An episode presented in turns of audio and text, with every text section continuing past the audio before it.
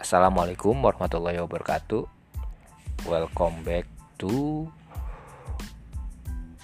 pagi-pagi bikin podcast bareng gue Bung Sayuti kembali lagi kita pagi-pagi bikin podcast. Oke, alhamdulillah udah hari ketiga gue bikin podcast pagi-pagi.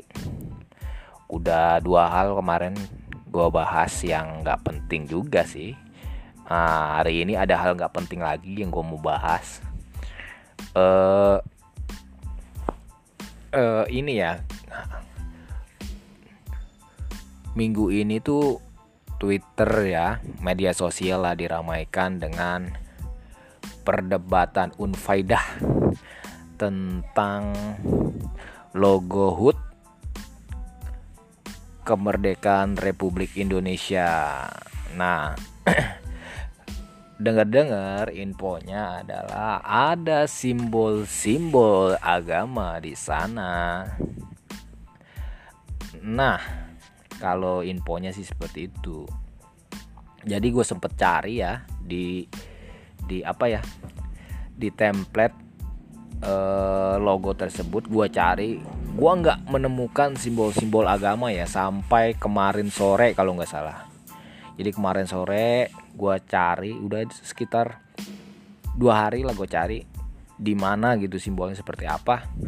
Akhirnya gue nyerah deh gue nyerah. Akhirnya gue gue nyari aja ke Twitter. Ternyata banyak yang bahas bahas. Jadi ternyata itu ada kumpulan simbol-simbol yang membentuk simbol uh, terkait agama tertentu lah seperti itu.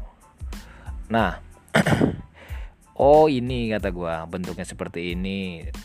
Uh, gue nggak nggak masuk ke sana ya. Gue masuk pengen sedikit ngejelasin tuh.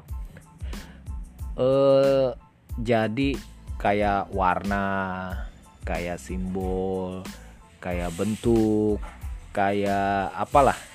Itu sebenarnya kan nggak ada maknanya gitu. Misalnya ya yang gue maksud nggak ada maknanya itu ya maknanya itu manusia yang kasih gitu.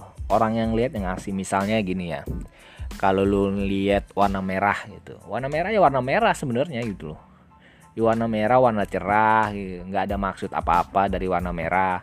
Nah manusia itu ngasih ngasih ngasih ini ya ngasih ngasih makna ke ke warna merah itu. Merah itu artinya berani.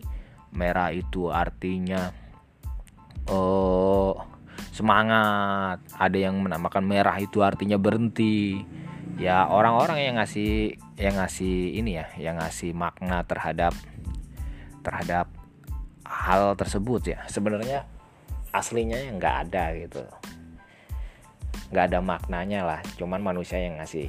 Nah jadi kayak ngelihat simbol ini juga gua rasa sih eh, tergantung subjek ya subjek yang lihat misalnya gue yang ngelihat gue cari simbol agamanya di mana nggak ketemu karena gue nggak nggak memaknai misalnya emang gue ngelihat seperti itu tapi gue nggak memaknai yang dimaksud itu simbol agama. Jadi perdebatan ini kan subjektif banget ya.